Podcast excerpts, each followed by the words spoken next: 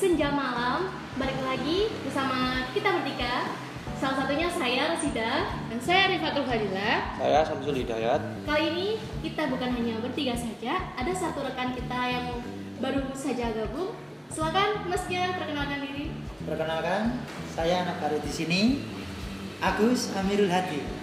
Bi- biasa dipanggil Agus bisa, Amirul bisa, lebih enaknya Agus ya. Oh iya sih. Tapi saya dulu manggilnya Mas Thank you ya. Mas,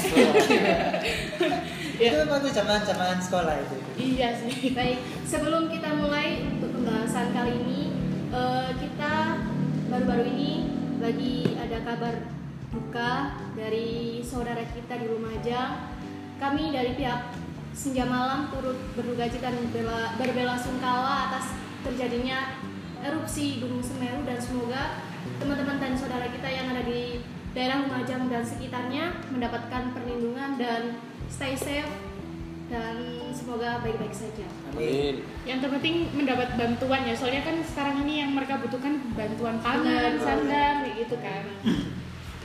Oke. saja saya serahkan kepada Mbak Dila sekarang Nih, di Selasa malam ini kita akan Iya. apa? sekarang ini kan kayaknya mau tahun baru sama Natalan ya. Nah, Kira-kira nih temen-temen tuh ada rencana mau ke mana sih? Ya tahun baru ya sekarang. Udah gak terasa, udah langsung nanti. 2021 dua. akan berakhir. Iya, masih. Kita akan menyambut 2022. Tapi sebelum 2022 kan ada Natal dan tahun baru. Kira-kira teman-teman tuh ada rencana apa sih di tahun ini? Karena kan kita kita tahu sendiri ya, sekarang itu kan kita terhalang yang namanya COVID-19. Mungkin teman-teman ada masukan di tahun baru mau ke mana? Hmm. Di era seperti ini. Kalau aku sih pengennya ke, ke Bromo ya. Tapi karena ada musibah kemarin, jadi nggak jadi. Takut ya, Mas? Takut kan? Takut. Takut erupsi lagi sebenarnya. ya, moga-moga nggak ada. Iya. Iya. Kalau Mas Agus ada harapan di tahun 2022 nanti mau buat apa? Yang pasti tahun 2022 semoga lebih baik dari Amin. Amin. Amin. Amin. Amin. amin. apa yang kita lakukan di tahun 2021. Semoga bisa jadi pembelajaran juga Hmm, untuk tahun betul, ke depan. betul, betul. Iya. Dan yang lebih pasti, semoga COVID-19 segera berakhir. Amin semuanya kita aminkan bersama-sama. Karena itu adalah harapan semua orang di Indonesia. Iya, Doa kita bersama. Doa kita bersama. Kita bersama. Nah, tapi ada kabar buruk nih, ya. Karena kan banyak orang bilang atau berita banyak yang eh, bermunculan bahwa PPKM ini bakalan ada yang namanya level 3. Yang tentunya tadi Natal dan Tahun Baru tuh liburnya bakalan dihilangkan. Nih, menurut kalian bertiga, apa tanggapan kalian tentang PPKM level 3 ini dan juga penghilangan libur Natal dan Tahun Baru? Mungkin dari Mbak Rosida dulu bisa. Oke. Eh, menurut berita yang beredar, PPKM level 3 ini kan akan dilaksanakan pada tanggal 4 Desember sampai tanggal 2 Januari 2022. Sehingga perayaan Natal dan Tahun Baru itu ditiadakan, ya kan? Semua mall dan semua pusat perbelanjaan terus semua Fasilitas publik. fasilitas publik itu ditutup untuk sementara sesuai dengan waktu yang ditentukan. Menurut aku sih, aku belum tahu ya, maksudnya tujuan asli dari adanya ppkm ini apa? Karena setahu aku akhir-akhir ini apa apalagi di Kabupaten Malang khususnya di Kecamatan Jabung ini aman-aman aja karena yang aku lihat eh, kasus kasus COVID-19 ini udah menurun gitu loh bagi untuk Hmm. bulan ini atau untuk tahun ini. Dan Mungkin karena kita nggak tahu ya Iya, dan di daerah sini maksudnya. harus ada PPKM level 3 berarti kan menandakan bahwa Indonesia ini masih belum baik-baik saja masih ada kasus yang harus dihindari gitu sebenarnya nggak apa-apa sih baik aja mungkin tujuannya baik mungkin kurang literasi dari tujuannya PPKM itu menurut aku sih gitu. Kalau menurut silakan Mas Mas. Kalau menurut saya sih kayak dilema aja gitu. Hmm? Ketika virus ini udah mulai hilang, kayak di Cina kan udah dilarang Iya, bahkan di luar negeri tuh udah acara musik tuh udah Iya, digelar, kan. acara musik rame-ramean tuh udah di baik-baik Kan, saja iya. gelar tanpa masker. ya benar Tapi malah di Indonesia malah kebalikannya, malah semakin digembar-gemborkan malah Lah. berita virus ini.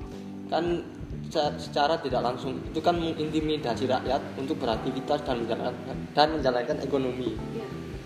Menurut saya sih ada baiknya juga ada buruknya. Hmm. Dampak baiknya adalah mungkin pemerintah ingin melindungi rakyatnya agar virus ini cepat hilang. Hmm. Dan dam- dampak atau efek buruknya adalah bagi pelaku-pelaku kegiatan ekonomi. Iya sih. Karena Pasti kerasa bang. Iya, karena pendapatan mereka juga akan menurun drastis karena kan PPKM-nya kan dilaksanakan pada libur Natal dan Tahun baru. tahun baru. Mungkin itu aja sih mungkin dari saya. Kalau menurut Mas Agus gimana? Ya tadi sudah dikatakan sama Mas Samsul kan ya. Ya. Perihal sangat apa namanya itu Merugikan eh, merugikan terutama buat saya pribadi Hmm. karena saya juga seorang wirausahawan ya sangat berdampak sekali Iya ya. Jadi benar-benar sangat berdampak omset Penjualan. bisa dibilang turun ya. Karena kan tidak banyak orang yang mengunjungi tempat makan. itu gitu. salah satunya yang kedua sudah pasti bahan-bahan pokok akan Hmm. harganya akan sangat naik Naik, betul sekali. Itu dilema masyarakat ya kalau udah ada sangat sangat ada pandemi sangat. gini tuh pasti semuanya tuh dinaik-naikan gitu loh. Eh, Entah itu bahan pangan, Nah. kebutuhan-kebutuhan pokok itu pasti. sudah pasti naik dan itu terjadi sampai saat ini pun masih terasa gitu. Iya, padahal ini tuh kan udah berjalan lama banget ya corona itu ya. Tapi tuh dampaknya tuh masih kayak besar banget gitu buat masih terasa masyarakat gitu. Karena pemerintah juga apa ya nggak ada usaha atau jalan keluar untuk supaya virus ini itu cepat selesai ya. Anehnya itu malah digembar-gemborkan di media sosial dan periklanan di TV agar kita Hmm. melaksanakan yang katanya 5M itu. Iya, iya, iya. Nah, kita ini kan kayak kalau kita mau keluar kota gitu ya. Ya. Kita tuh harus PCR dulu lah, swab dulu lah. Itu bayar. Menurut kalian gimana sih tentang ses apa fasilitas-fasilitas yang mendukung kita untuk cek COVID-19 ini tapi di, berbayar? Apalagi bayarnya itu Nggak nggak murah Iya. nih. Kalau Karena kan udah COVID, ya. ekonomi kita menurun, Iya. disuruh bayar mahal. Kan mikir-mikir kita mau tes-tes kayak gitu-gitu tuh. Ya sebenarnya gimana juga ya yang pertama itu karena mungkin ya kalau pendapat saya sendiri sih Hmm. terkadang pemerintah itu juga apa ya bisa dikatakan dalam tanda petik kong kali kong Hmm. karena saya sendiri dulu juga pernah mendengar eh, bukannya dulu ya kemarin-kemarin ini pernah Hmm. mendengar katanya apa-apa kalau kita ingin membuat sesuatu kadang-kadang seperti kita akan membuat KTP Ya. Itu kita ditanyai dulu Oh, iya. soal mana kartu vaksin Kartu vaksin. Nah, Iya. terus kita ya itulah pokoknya kita ditanyai tentang apakah sudah vaksin terus mana buktinya vaksin Hmm. berapa kali nah, Iya. seperti itu sedangkan kalau kita tidak punya KTP kartu tanda penduduk Iya. bagaimana kita mau vaksin Hmm. seperti itu Iya, betul. Berarti itu kan ada keterkaitan. ada keterkaitan seperti itulah Adanya kontradiksi Iya. dalam ah, ya gitu Tapi menurut menurut aku ya, itu tuh juga salah satu apa ya? Dari pemerintah untuk kita tuh supaya bisa vaksin gitu. So- soalnya kan banyak banget rumor yang beredar di masyarakat tentang vaksin tuh kayak gini gini gini gitu. Yang Yang mengakibatkan banyak orang yang nggak mau vaksin akhirnya. Jadi pemerintah tuh punya satu cara supaya untuk membuat kalian tuh bisa vaksin gitu dengan cara menakut-nakuti lah intinya ya, ya. ya bisa Kalau mau ngurus seperti itu. ngurus apa apa tuh harus nunjukin kartu vaksin. Ah, Mau ke mana-mana harus kartu vaksin. Jadi intinya itu pemerintah untuk menuntut mewajibkan semua warga Indonesia untuk vaksin yang tujuannya untuk melindungi dan memperkuat daya tahan tubuh biar nggak kena COVID-19 itu tadi ya. Sebenarnya tujuannya bagus sih, Eh, penerapan PPKM level 3 ini kan berlaku dari tanggal 24 Desember sampai tanggal 2 Januari. Januari. Itu rentang waktu yang cukup singkat untuk penerapan PPKM. Nah, Menurut kalian, penerapan PPKM yang seperti ini tuh efektif nggak sih untuk pencegahan penularan COVID-19? nah, Tergantung orangnya juga sih. iya tergantung orangnya Kalau juga. orangnya bebel sih aja. Karena rakyat juga udah bisa melek, rakyat juga sudah bisa berbicara apakah yang diterapkan ini pemerintah ini bagus atau enggak. kan krisis kepercayaan terhadap penguasa Iya benar. adapun adanya aturan itu pasti akan pasti akan dilanggar juga karena pemerintah eh apa masyarakat tuh sekarang udah pinter-pinter Iya nggak sih Iya. mereka tuh udah banyak referensi Iya. referensi tentang berita dan lain-lain jadi susah untuk apa ya bahasanya ya kayak bukan membodohi ya apa ya Memanipulasi. sih mema- memanipulasi masyarakat sih dengan berita-berita di luar sana gitu. Mas Agus bagaimana? soal penerapan PPKM yang begitu singkat kalau menurut aku sih sia-sia Hmm. Kenapa tuh sia-sia? karena kalau begitu pun kita lihat dari jangka waktu orang-orang akan tetap turun ke jalan Hmm. karena apa dari dulu kita sudah kena seperti apa ya dari dulu itu pun sebenarnya malam tahun baru ini pun sebenarnya sudah dilarang maksudnya Iya. dilarang itu dari mulai tahun 2019 2020 sampai sekarang 2021 mau berakhir ke 2022 tetap orang-orang merayakan hari- apa? Tetap merayakan malam tahun baruan. Ya, karena itu kan udah jadi tradisi. Ya tradisi tidak. keluar-keluar. Karena, eh, eh, karena akan saya pastikan tahun baru besok akan banyak masa yang turun ke jalan. Hmm. entah itu ngapain saya sendiri tidak tahu gitu. Soalnya ini sendiri apa itu pun eh, yang apa namanya apa itu Eh, kalau dalam bahasa Jawa menyebutnya apa tuh? sing pihak sing jogo apa pak yang menjaga apa? Eh, eh, pihak berwajib yang menjaga tanah kan Aparat. Oh, iya, Ah, pihak aparat, aparat, itu. iya. sebenarnya kayaknya pihak aparat tidak ingin menjaga malam tahun baru maksudnya menjaga apa ya? Menertibkan Menertib- menertibkan eh, aparat tidak ingin menertibkan malam tahun baru itu dengan apa turun ke jalan apa namanya Iya. Eh, Patroli, patroli, patroli, lah. patroli, patroli. aparat tidak tidak ingin patroli apa seperti itu saya menurut saya seperti ya seperti itu kurang efektif eh. Ya sih. Kalau aku setuju sama yang dikatakan Mas Agus ya, karena aku juga baca salah satu pendapat Hmm. ini dari Pak Pak siapa? Alfonso Wijaja selaku Ketua Umum Asosiasi Pengelola Pusat Belanja Indonesia atau APBD. Hmm. Dia tuh bilang kalau pembatasan yang bersifat sesaat dikhawatirkan tidak efektif karena berdasarkan pengalaman yang lalu pada akhirnya masyarakat mendahului atau melakukan curi start sebelum pembatasan berlaku efektif. Hmm. Bener banget yang dikatakan Mas Agus tadi. Hmm. Cuma kalau PPKM di tahun baru atau Nataru ini, kalau masyarakat Indonesia itu sudah mentradisikan kayak kumpul keluarga, Natalan kan pasti kan ya Iya. kumpul keluarga gitu kan meskipun di jalan ditutup, kalau di rumah kumpul satu keluarga besar Nah. tanpa menggunakan protokol kesehatan dengan memakai masker, mencuci tangan apa segala macam, itu kan percuma. Hmm. Karena kan penyebaran virus corona ini kan juga bisa terjadi di lingkungan keluarga meskipun Iya. orang terdekat kita. Tapi kalian kalian eh, menurut aku ya, ini apa Natal dan Tahun Baru ini kan liburnya ditiadakan. Iya. Menurut kalian ada nggak sih kayak kecemburuan dari agama lain? Karena kan dulu kita ambil aja Islam ya. Dulu kan Idul Fitri itu kan diliburkan, tetap kan ada liburnya. Nah sekarang Natal, apakah ada mungkin nanti adanya kecemburuan agama ini di saat nanti Natal liburnya nggak ada? Iya. Terus kan kemarin itu waktu Idul Fitri kan kita sholatnya masih bisa berjamaah berjamaah dengan social distancing. Iya kan. Nah sekarang ini peraturannya ibadah Natal itu dilakukan secara berjamaah di gereja dan lewat daring di rumah masing-masing. Menurut kalian gimana? Mungkin Mas Samsul kalau itu sih tergantung dari pribadi orang masing-masing karena kalau untuk ritual atau ibadah itu kan tidak ada sangkutannya dengan hal-hal atau apa sekum- sekumpulan atau diliburkan ya itu Iya. kan menurut apa kayak akidah gitu loh Iya Tuhan dan Tuhan dan orangnya ya, gitu ya. orang manusia yang tahu Iya.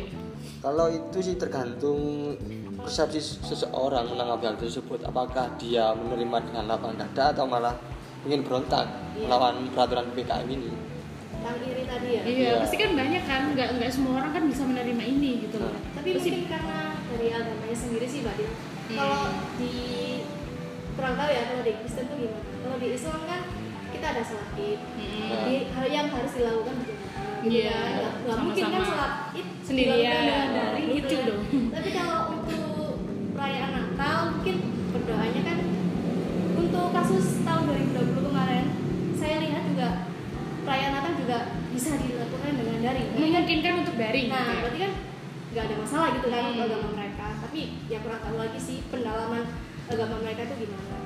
Mas Agus mungkin ada yang ditambahkan kalau misal dari agama lain cemburu itu sudah pasti. Iya kan Ka- karena kan apa? Kita di Indonesia kan kan?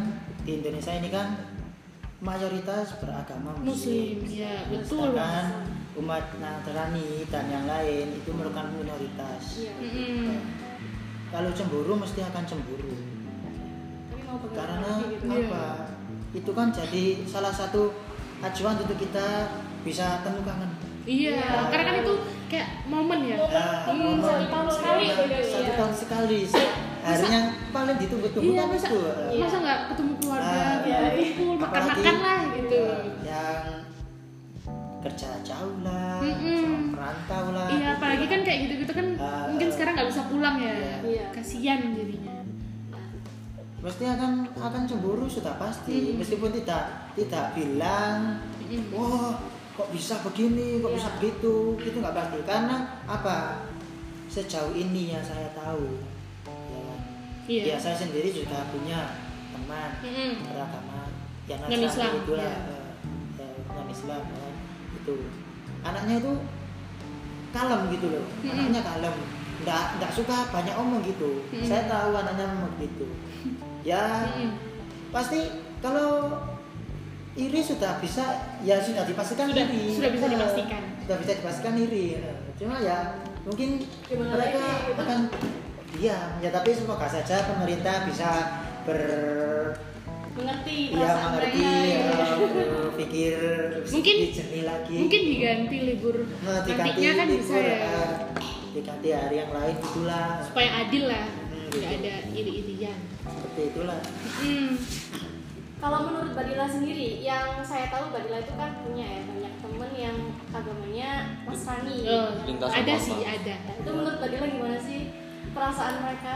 Perasaan dia? aku tuh punya temen tuh dulu SMP karena kan aku SMP-nya negeri jadi berba- bermacam-macam agama yang sekolah di situ biasanya dulu waktu SMP itu kalau Natalan tuh diundang gitu loh dia cuma sekedar makan-makan tapi karena emang sekarang corona itu jadi dia nggak nggak ngundang banyak orang gitu loh. Cuman dirayakan di di gerejanya aja nyanyi sama temen-temennya ya merayakan kehusukan Natal gitu doang. Tapi emang dia pernah cerita sih kalau libur Natal tuh nggak ada tuh kayak ya ada yang kurang gitu loh. Ya. Mm-mm.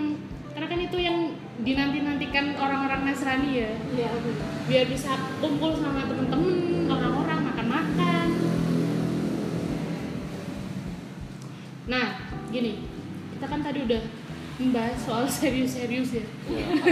kita kayak nggak ada kurang-kurang bercandanya gitu loh biar nggak terlalu tegang Iya. kita ngebahas apa itu ya tetap yang tadi yang Mbak Dila bilang tadi Hmm. yang masalah karena ini tadi tadi saya kepikirannya masalah pembayaran tentang vaksin Iya, bermacam-macam harga Iya, gitu kita balik ke situ. Eh, dari vaksin yang ini harganya segini Iya. ini harganya segini ini harganya segini kalau Kita- menurut pribadi saya itu Mm-mm. nggak masuk akal hmm. Benar. sedangkan seperti dulu mesti waktu SD kita kan juga pernah apa namanya itu suntik ya TBC campak Iya itu, itu kan juga sama saja sebenarnya, juga suntik vaksin juga kan. ya kan kebutuhan masyarakat Ah, iya. ngapain harus disuruh bayar Iya. gitu Kalau dulu aku waktu MI itu nyebutnya Hmm. cuplian. cuplian nah buat teman-teman yang nggak tahu tuh dalam bahasa Ya, Jawa eh, vaksin tuh kalau di Jawa tuh cuplian guys Dulu waktu masih sekolah-sekolah dasar. iya Nah itu kan sebenarnya sama saja, Sama, ya kan? sama, eh. Eh, itu sama saja. Hanya saja sekarang saat ini, kenapa kok ada harga yang berbeda? Ada harga kenapa tuh Nah. kenapa kenapa fasilitas kesehatan itu dikasih harga Padahal Ayo. kita tuh Loh. padahal padahal virus corona ini kan ekonomi masyarakat menurun Sudah turun-turunnya. menurun kan PCR suruh bayar, swab suruh bayar, vaksin pun Nah. sekarang mau disuruh bayar. karena pemerintah untuk vaksinnya sendiri masih belum bisa membuat. Iya, oh iya nah, sih. kan mereka kan impor dari beberapa negara. Nah, kalau bisa dilihat apa dari latar belakangnya mungkin Hmm. Ada oknum tertentu untuk mengambil keuntungan dari pembelian vaksin tersebut. Nah, Kan kita nggak tahu juga kan benar. kenapa ada vaksin yang harganya berbahaya dan Iya. kelasnya untuk orang kaya dan orang miskin Iya, itu nggak kan, sama. karena kan baru-baru ini kan ada varian baru ini ya, Iya. yang timbul dari Afrika Selatan katanya. Jadi namanya itu Omikron. Di sini pemerintah pemerintah ini menganjurkan masyarakat itu untuk ngambil vaksin ketiga, yaitu vaksin booster. Tapi memang ada eh, apa anggota-anggota yang diprioritaskan. Untuk yang tidak diprioritaskan itu digadang-gadang membayar 300.000 ribu, di bawah 300.000 ribu lah. Nah itu kalau di Indonesia nih di Malang nih 300.000 ribu kalian dapat apa coba? Dapat banyak banget itu makanan, minuman. Itu Baju. kalau di warung saya ya. Anda bisa menraktir satu Sepuluh keluarga mangkok. bisa Sepuluh menraktir satu mangkok. keluarga itu kalau Iya. di warung saya seperti itu Gimana? 300.000 ribu loh. karena tiga ratus ribu itu nggak 300.000. sedikit loh Nggak sedikit lah. Itu dapat beras satu karung. satu Satu karung karung sama buat lauknya. beberapa minggu beberapa minggu itu ya Iya. Yang buat aku penasaran tuh gini loh. Eh, vaksinasi nanti tuh bisa gak sih pakai BPJS atau KIS itu biar gratis? ah iya Hmm. Itu. Iya sih. Nanti ya aku harap sih pemerintah kalau memang nanti vaksinnya berbayar, semoga aja ada program kayak gitu. Kalau ada yang punya BPJS atau KIS ada Iya, diskon tapi lah, kan gitu. tapi kan orang yang mempunyai BPJS itu kan pasti orang yang mempu- mempunyai ekonomi yang bukan tinggi ya, menengah ke bawah. Nah, sedangkan prioritasnya ini kan memang menengah ke bawah, jadi mereka kan sudah diprioritaskan. Tapi kan memang tidak banyak orang yang punya yang namanya BPJS, itu kan tidak banyak orang ya. Nah, orang-orang ini tuh bagaimana gitu loh, yang nggak punya BPJS, kartu kesehatan, kartu Indonesia Sehat tuh nggak punya, terus kita vaksinnya gimana? Masa kita nggak vaksin gitu? kan itu juga pengaruh dari administrasi buat apa, buat kartu vaksin dan KTP juga kan Hmm. Admis- administrasinya kan nggak jelas gitu. Iya. sekarang dilema kita ini. Ketika pemerintah menerapkan level ppkm level 3 dan menyuruh la- rakyatnya untuk vaksin membayar dengan 300. 300 ribu. itu kan dilema kan. Harusnya kan pemerintah sudah melarang tapi juga memberikan bantuan. Bukan melarang malah Iya, membebankan. harus ada solusinya gitu Nah, supaya ini, kita tuh ini malah membebankan rakyat. Apalagi yang diprioritaskan kan masyarakat menengah ke bawah Mm-mm. uang 300 ribu kan udah Nggak sedih. nggak sedikit Iya, udah bisa buat keluarga iya, buat makan nah tiga hari bisa. Kalau Rosida gimana? Kalau aku sih setuju banget sama yang dikatakan Mas Samsul, sama yang, dikatakan- yang dikatakan Mas Agus bahwa ya itu hal seperti itu gitu kan. Hmm. Kayak kita tuh berpikir kalau vaksin itu bisa jadi buat bisnis gitu kan ada pihak Nah. yang mengambil keuntungan dari program vaksinasi ini.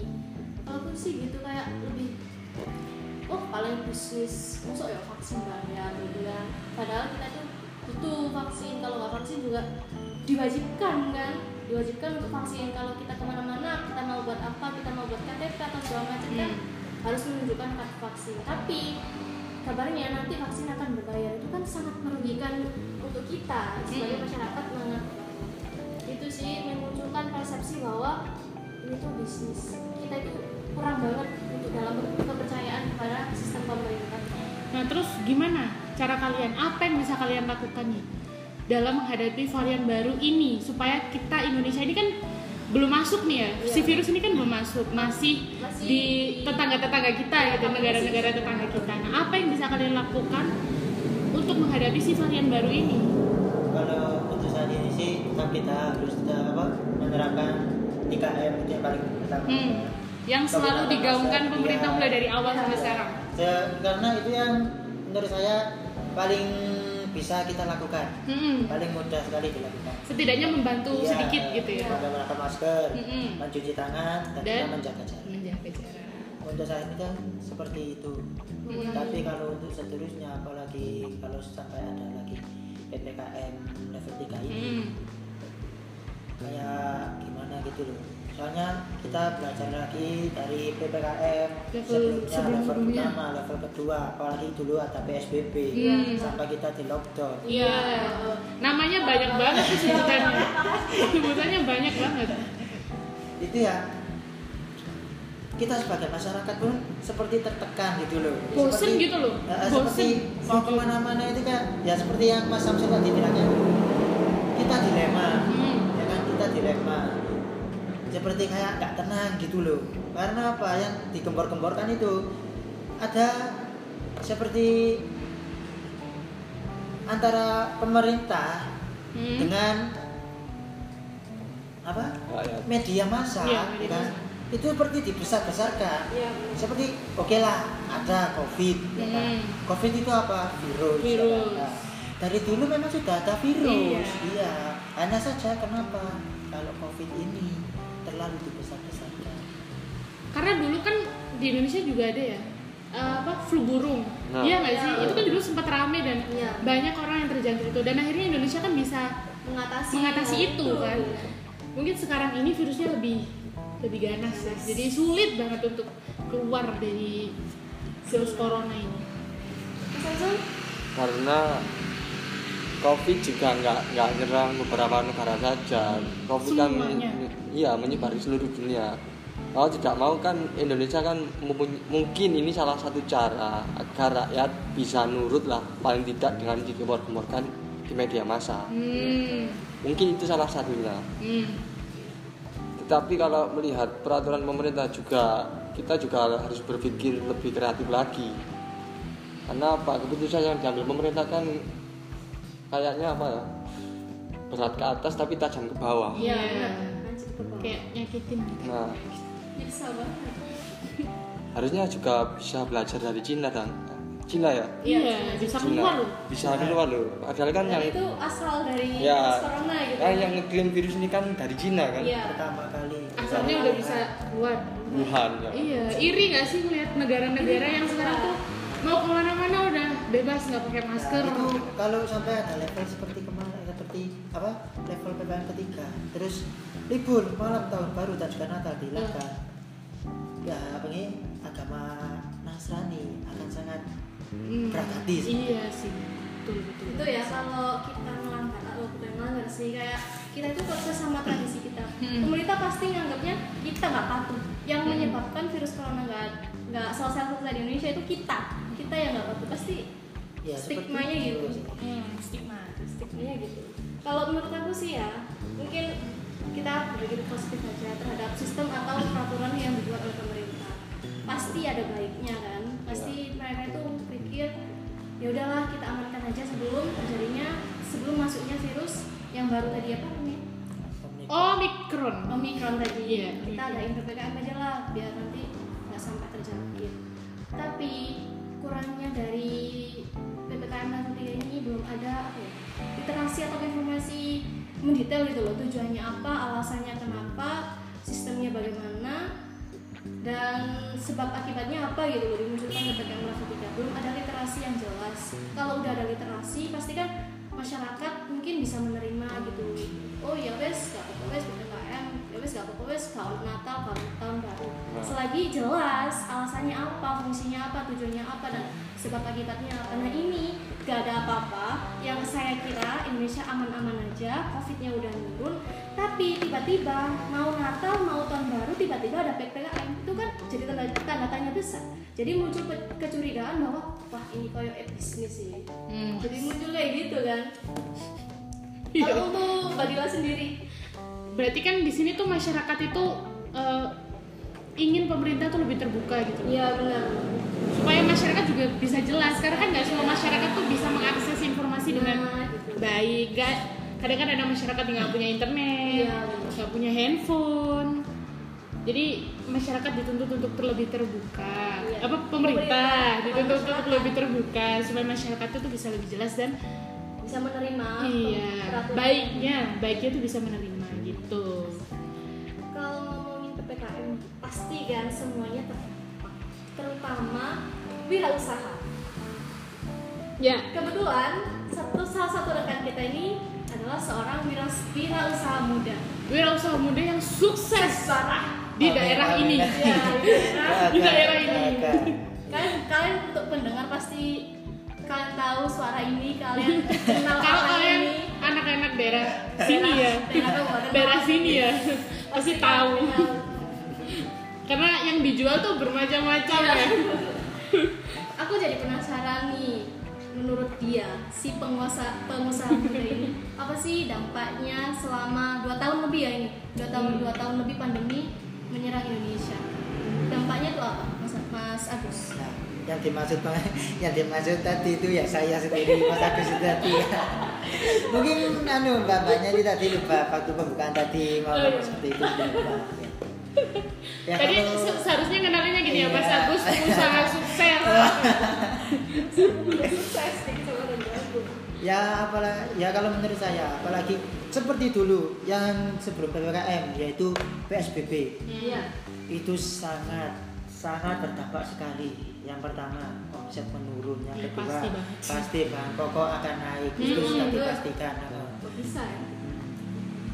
Dan itu pun saya sendiri itu pun ingin buka buka warung itu pun sebenarnya juga was-was. was was sebenarnya juga was was gitu mau buka itu. Takutnya nanti ada apa namanya? Patroli. Patroli kalau nanti ada tiba-tiba digrebek gitu padahal juga Ya, tiba-tiba. buka warung ya. takutnya udah buat masakan banyak tiba-tiba suruh tutup kan rugi ya. juga. Gimana ya sedangkan iya. Kemarin juga kan banyak juga warung yang ditutup paksa. tutup kalau ditutup paksa. Apalagi kalau ada yang buka usaha yang bukannya dari sore sampai, Sampai malam. Nah, itu sangat berdampak sekali. Saya sendiri pun sedih merasakan itu. Karena banyak dari teman-teman saya yang membuka usaha buka malam gitu maksudnya apa maksudnya jam-jam malam gitu. Hmm. Sangat terasa. Bukan bukan Iya. hanya sebagai pengusaha apa penguasa apa Pengusaha, Wirausaha, ya pengusaha juga orang-orang pun juga orang-orang maksudnya pembeli. Nah, maksudnya pembeli pun mereka juga merasa seperti itu karena kan ppkm itu kan kemarin itu dibatasi sampai jam 8 ya. Heeh. terus ka- kalau kayak orang jualan nasi goreng gitu kan Ya. itu kan biasanya tutupnya jam 12 Nah, itu kan berarti bisa mengambil beberapa persen pelanggannya gitu Iya. kan. Lumayan itu. Banyak banget ya hambatan yang dilalui oleh wirausaha di masa pandemi ini. Nah, aku juga penasaran bagaimana sih usaha kalian ya sebagai pengusaha? Tahu solusinya?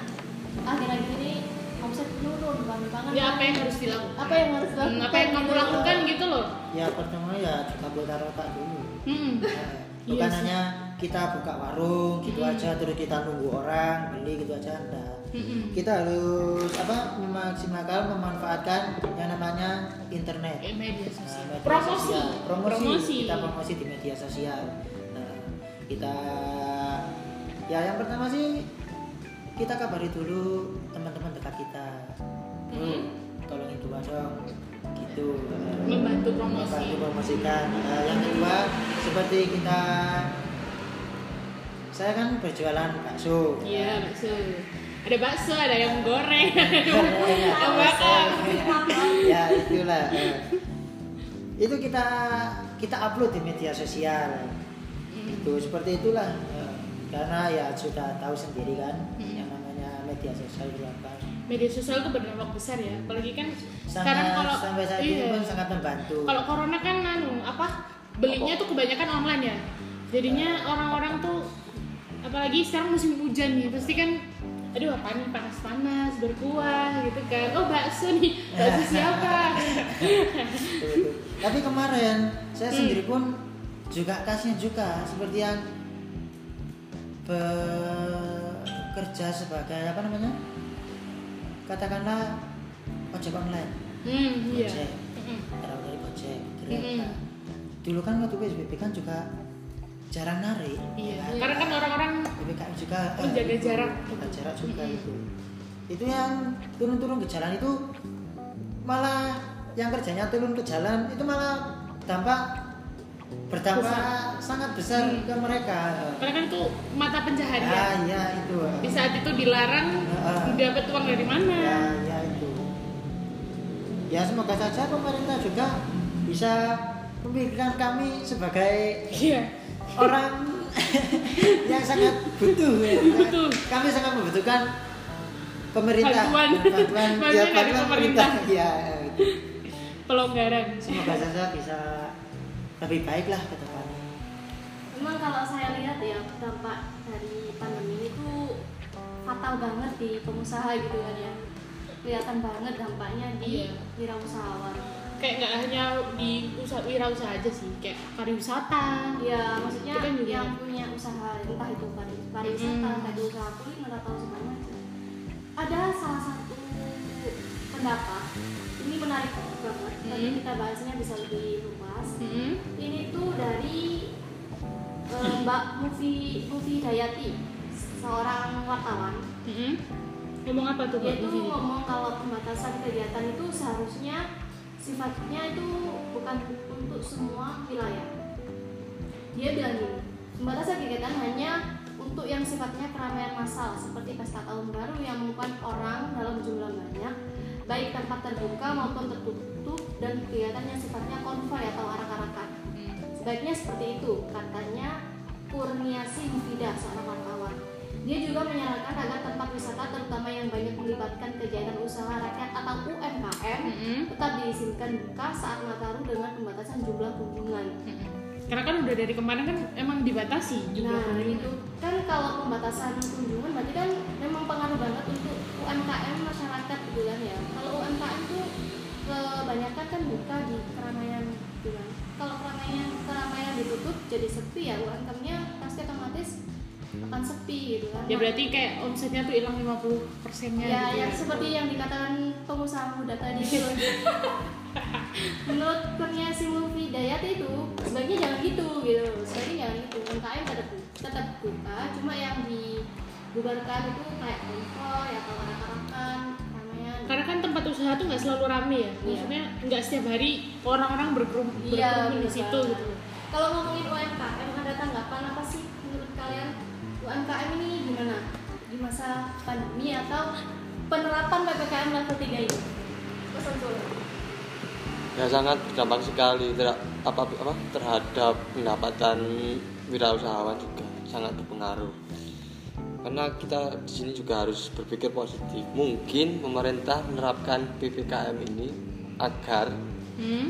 virus ini itu bisa cepat hilang Iya. iya sih tapi kita juga dilema kan katanya eh bukan katanya kabarnya Iya. Hmm, ada virus jenis baru yang namanya Iya, omikron Iya. Nah, mungkin pemerintah mencegah libur tahun baru mungkin untuk menghindari adanya penyebaran virus yang lebih banyak lagi. Mm-mm. Kita harus selalu berpikir positif. Iya, karena berpikir positif itu meningkatkan imun. Iya. Nah, Di saat itu. imun kita naik, kita nggak kena itu. Setuju gak sih sama statement yang dikatakan Mbak Mufidiayati itu tadi kalau sebaiknya ppkm itu pilih-pilih tempat Ya harus dong. Kan di peta atau, atau sudah dipetakan sama pemerintah. Ada zona merah, ada zona hijau, ada zona hitam. Jika daerah tersebut sudah terlalu banyak penyebaran virusnya, Berarti itu yang harus Iya, mungkin harus di lockdown untuk beberapa waktu. Tapi kalau disamaratakan, kan nanti adanya kecemburuan. nah benar. Nah, daerah sini hijau kok langsung di lockdown semua kan? Adanya kayak apa ya? iya. terima kasih Nah, Komunikasi. itu. Tapi eh, kabarnya ya ppkm level 3 ini ada pem- pemilihan wilayah nggak sih? Enggak kan? Ini rata kan? Kayaknya kan dimasa disamaratakan kayak. Masih disamaratakan ya? Iya. Iya, jadi PPKM level 3 ini itu bakalan diadakan atau bakalan Terapkan. diterapkan di Bali, Bandung, Bogor, Yogyakarta, Malang, Surabaya. Yang Mungkin itu adalah kota-kota yang Ramai. akan banyak wi- wisatawan Hmm. apa, masuk gitu Iya. ya. Karena itu kan kota-kota besar gitu. Makanya di situ diterapkan. Kalau untuk Mas Agus sebagai wirausaha dengan statement yang dikatakan oleh Mbak Mufi Dayat ini kan berarti menguntungkan banget seorang pengusaha gitu kan. Menurut Mas Agus gimana? kalau dikatakan menguntungkan juga bisa dikatakan benar hanya saja lebih kita apa namanya lebih enaknya dikatakan kayak mbaknya ini tadi yang mereka itu pro terhadap kami Iya. selaku wirausaha gitu loh karena kalau sampai di lockdown semuanya Mm. apalagi seperti yang kata Mas Samsul tadi zona hijau, zona merah, Hmm. zona kuning itu tadi di lockdown semuanya pasti akan sangat Hmm. sangat sangat tidak tidak worth it. Iya berarti ya, tidak kebanyakan tidak berarti itu loh. Tidak worth akan it. tidak berjalan dengan baik. Tidak dengan baik kalau worth it. Berarti intinya memang apa ya perlu ya adanya pembagian wilayah penerapan ppkm level 3 ini. karena kalau zona hijau yang dikatakan sudah berkurang kasus covid kalau sampai di lockdown seperti itu masyarakat yang ada di zona hijau tersebut akan berpikiran apalagi orang awam kan ya. Hmm.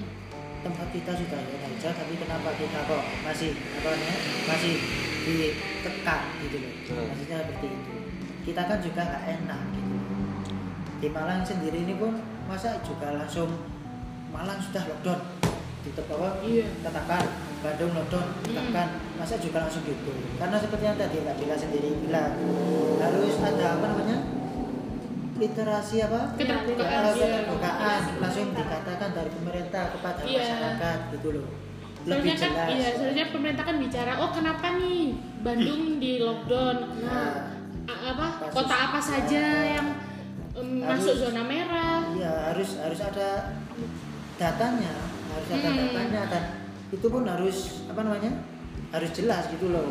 Oh di Malang kasusnya segini segini segini. Masuk zona apa? Hmm. itu baru lakukan ppkm langsung di Bandung di Bali sudah. Itu harus jelas gitu loh. Hmm. karena kalau tidak jelas orang awam seperti saya ini Kurang curiga.